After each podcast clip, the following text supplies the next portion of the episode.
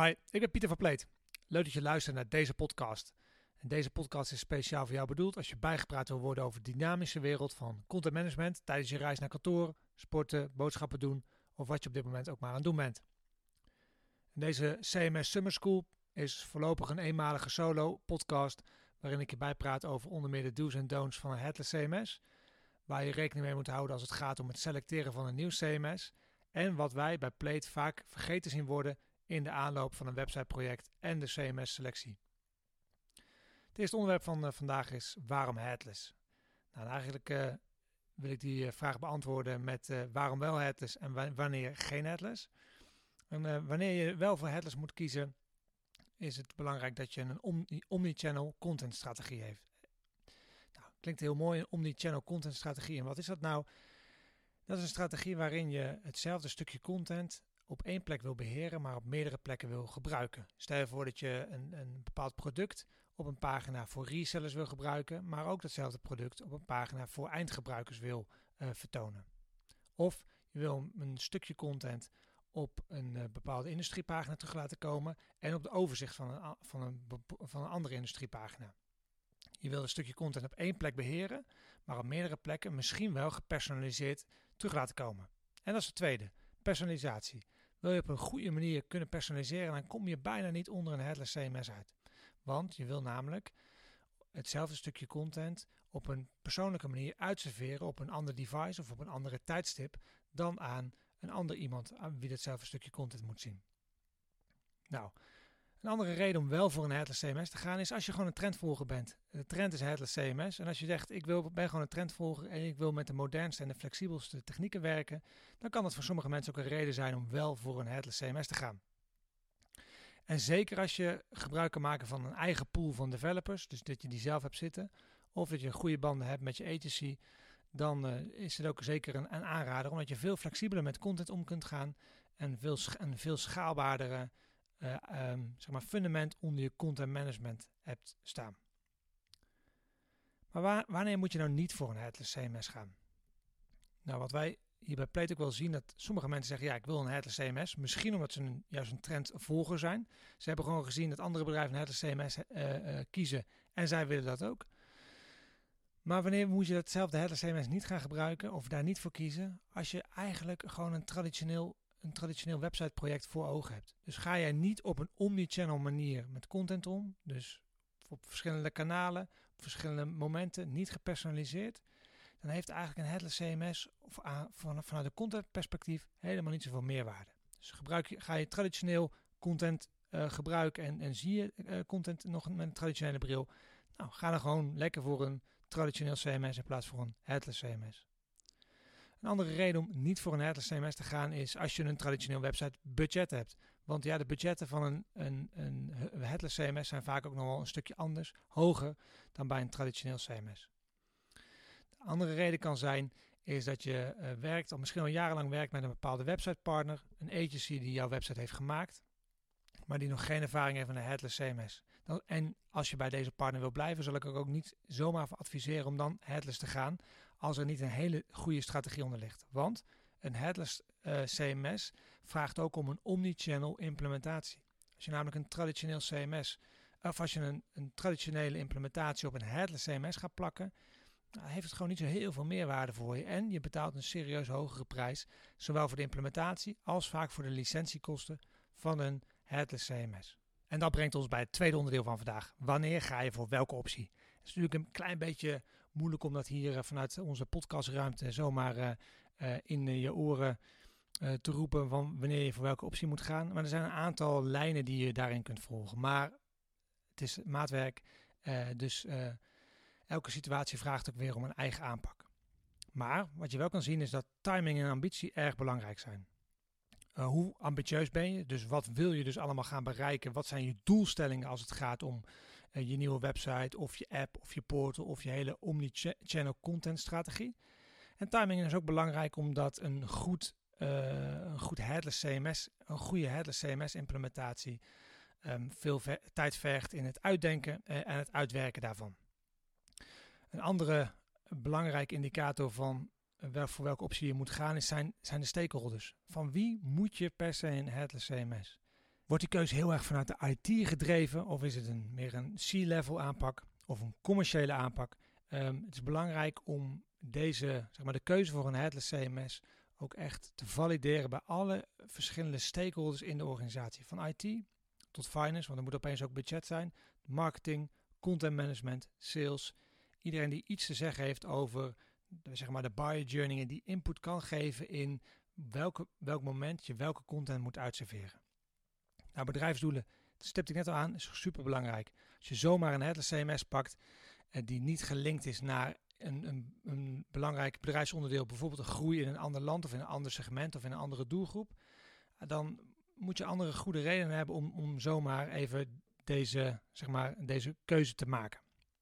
En nogmaals, misschien klink ik wat negatief of wat kritisch over een headless CMS. Zeker niet. Alleen wat, ik, wat wij hier vaak gewoon zien is dat mensen zomaar iets kiezen. Of zomaar de keuze van een agency achterna lopen. In plaats van zelf na te denken van, van wat, ben, wat heb ik nodig. Agencies werken vaak met één of twee CMS'en. Maar als klant ben je uniek in de karakteristieken van jouw business.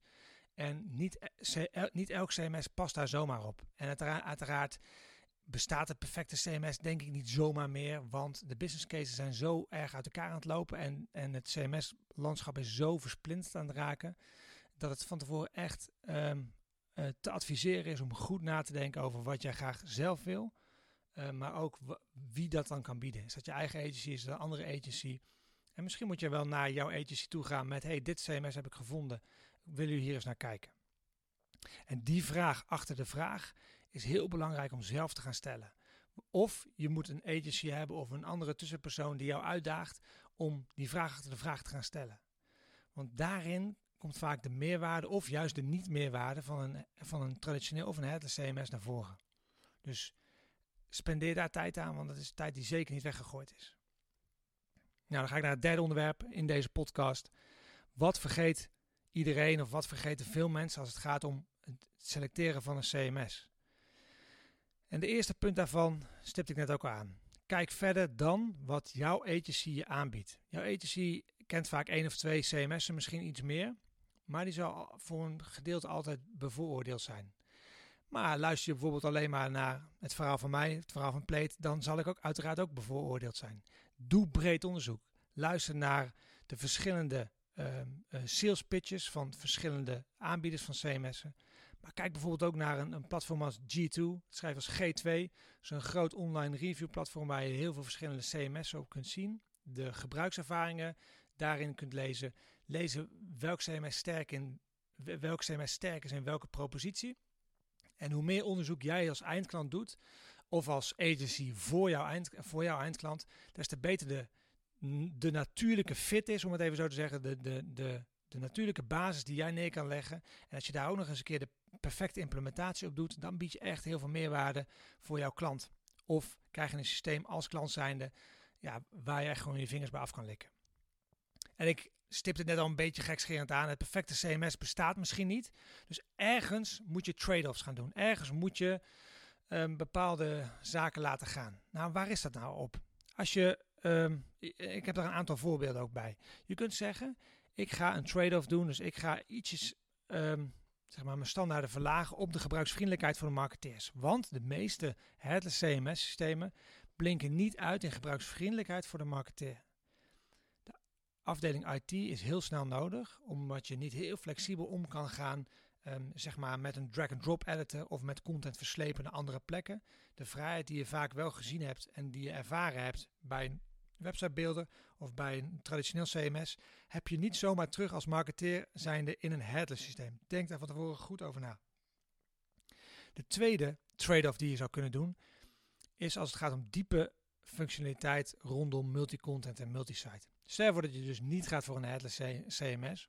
Nou, dan zul je dus een trade-off moeten doen, waarschijnlijk in die omnichannel content strategie of in die uh, multi-site oplossingen die je misschien wel nodig hebt, omdat je meerdere labels, meerdere landen um, of zeg maar meerdere aanbiedingen wil doen vanuit één en dezelfde omgeving. Een andere trade-off die je zou kunnen doen is op het stuk van no-code. Als je bijvoorbeeld kijkt naar uh, uh, een, een, platform zoals Zapier, zapier.com, daar kun je no-code allerlei integraties maken tussen je website en een marketing automation of een CRM systeem of noem maar op. Er staan meer dan 3000 apps op. En veel moderne CMS'en bieden daar ook een API endpoints aan, waardoor je als niet-programmeur toch een integratie kan maken tussen meerdere platformen. Dat zorgt ervoor dat de business heel erg zeg maar, in de driver's seat komt. Dus de, de, business is opeens, uh, uh, kan heel veel meer um, uh, experimenteren en doen zonder overal IT voor nodig te hebben. Maar een aantal CMS'en, zoals bijvoorbeeld een Storyblock of een Contentful, bieden geen app aan op Zapier. Dat betekent dat je voor al die dingen nog steeds dezelfde developer nodig hebt. Dus misschien dat een trade-off kan zijn dat je no-code dus laat gaan als je voor een CMS als een van deze twee of meerdere kiest. Een, een vierde uh, trade-off kan zijn dat je er dus maar voor kiest dat je een dure licentie hebt. Want als je een headless CMS uh, hebt met ook nog eens een keer een gebruiksvriendelijke uh, editor voor je marketeer, dan lopen die kosten vaak hard op bij een dito headless CMS. Waar je misschien bij WordPress gewend was dat je een paar honderdjes per jaar betaalt voor een beetje, uh, beetje hosting en, um, en voor je updates.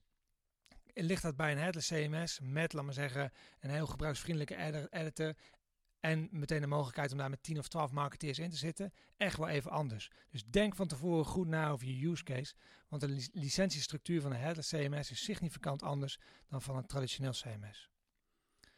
Nou, een andere trade-off die je zou kunnen maken is dat je gezegd, ik ga voor een no-code of een low-code oplossing, dus een Webflow. Heeft misschien iets minder CMS, um, maar dan kan ik wel een hele mooie, snelle, voordeligere voorkant maken, want je hebt veel minder um, zeg maar, of heel veel configuraties in, in, in, de, in, de, in de, de visuele kant van de site kun je zelf doen. Of je gaat voor een niet-custom voorkant en je kiest gewoon een template van Squarespace, Wix, Weebly en noem alle websitebeelders maar op. Dus nogmaals, het perfecte CMS bestaat niet. Je zult ergens trade-off moeten doen en, en, nou, en, en besluit voor jezelf waar het dan is. Wat is voor jou hetgene wat het minst belangrijk is of wat je het makkelijkste op kunt geven om uiteindelijk um, voor jou het beste CMS te vinden. Een ander onderdeel eh, wat veel mensen vergeten als het gaat om CMS-selectie is waar je data staat en hoe de veiligheid geborgd is. Nou, je ziet door uh, de GDPR en, GDPR en AVG dat uh, waar je data staat uh, steeds belangrijker wordt. Je ziet ook door, ehm, door de datalekken die je moet, ehm, moet mededelen als dat gebeurt, dat de overheden ook steeds meer op de huid gaan zitten van bedrijven die persoonsdata opslaan. Kijk hier ook naar. Vaak wordt alleen maar als CMS een beetje bekeken van oké, nou daar, gaan we wat content in beheren. Maar heel vaak, zeker bij een hosted CMS, staat dus ook je data ergens. In welk land staat dat? Uh, kun je dat land veranderen? Kun je bijvoorbeeld zeggen, hey, ik wil mijn site niet in, uh, bijvoorbeeld in Amerika gehost hebben, maar ergens in de EU. En hoe is die veiligheid geborgd? Ben je zelf verantwoordelijk voor de veiligheid? Nou, dan moet je daar misschien ook wel even een een klein budget voor vrijmaken. Omdat je wel gewoon adequaat moet uh, reageren als er een keer wat is. En een andere um, vraag die veel mensen vergeten als het gaat om CMS-selectie is even iets verder te kijken dan alleen een website. Vaak hebben bedrijven ook een werken bij website, uh, een portal, een app of een webshop. En als je bijvoorbeeld alleen maar een website team hebt binnen je bedrijf, dan komt hij met de beste oplossing voor de website. Maar probeer soms ook eventjes één stapje uh, terug te doen en te kijken, oké, van Um, ik heb het even niet over een website, maar ik heb het over een, een, content zeg maar, probleem. Of ik wil een content oplossing hebben. En welke type content heb ik en welke kanalen gebruik ik daarvoor? Dus wat veel mensen gebruiken, in, wat veel mensen dus vergeten in CMS-selectie, is even een, een, stapje terug te doen en bedrijfsbreed te kijken naar content en communicatie in plaats van kanaal en dus een website. Nou, dat was het dan. Ik hoop dat ik mooi onder de tijd uh, ben gebleven waarin je in de auto of in de trein zat of aan het sporten was. Ik hoop dat je wat aan de inhoud van deze podcast had. En uh, als het interessant was uh, voor je, laat het gerust uh, weten wat het dan precies was. Dat kun je doen via de socials van Plate. Ik laat de link achter in de beschrijving. En ken je andere mensen voor wie deze aflevering interessant was? Deel dan deze podcast met ze. Leuk dat je luisterde, helemaal tot het einde. En ik wens je een hele fijne dag. Hoi!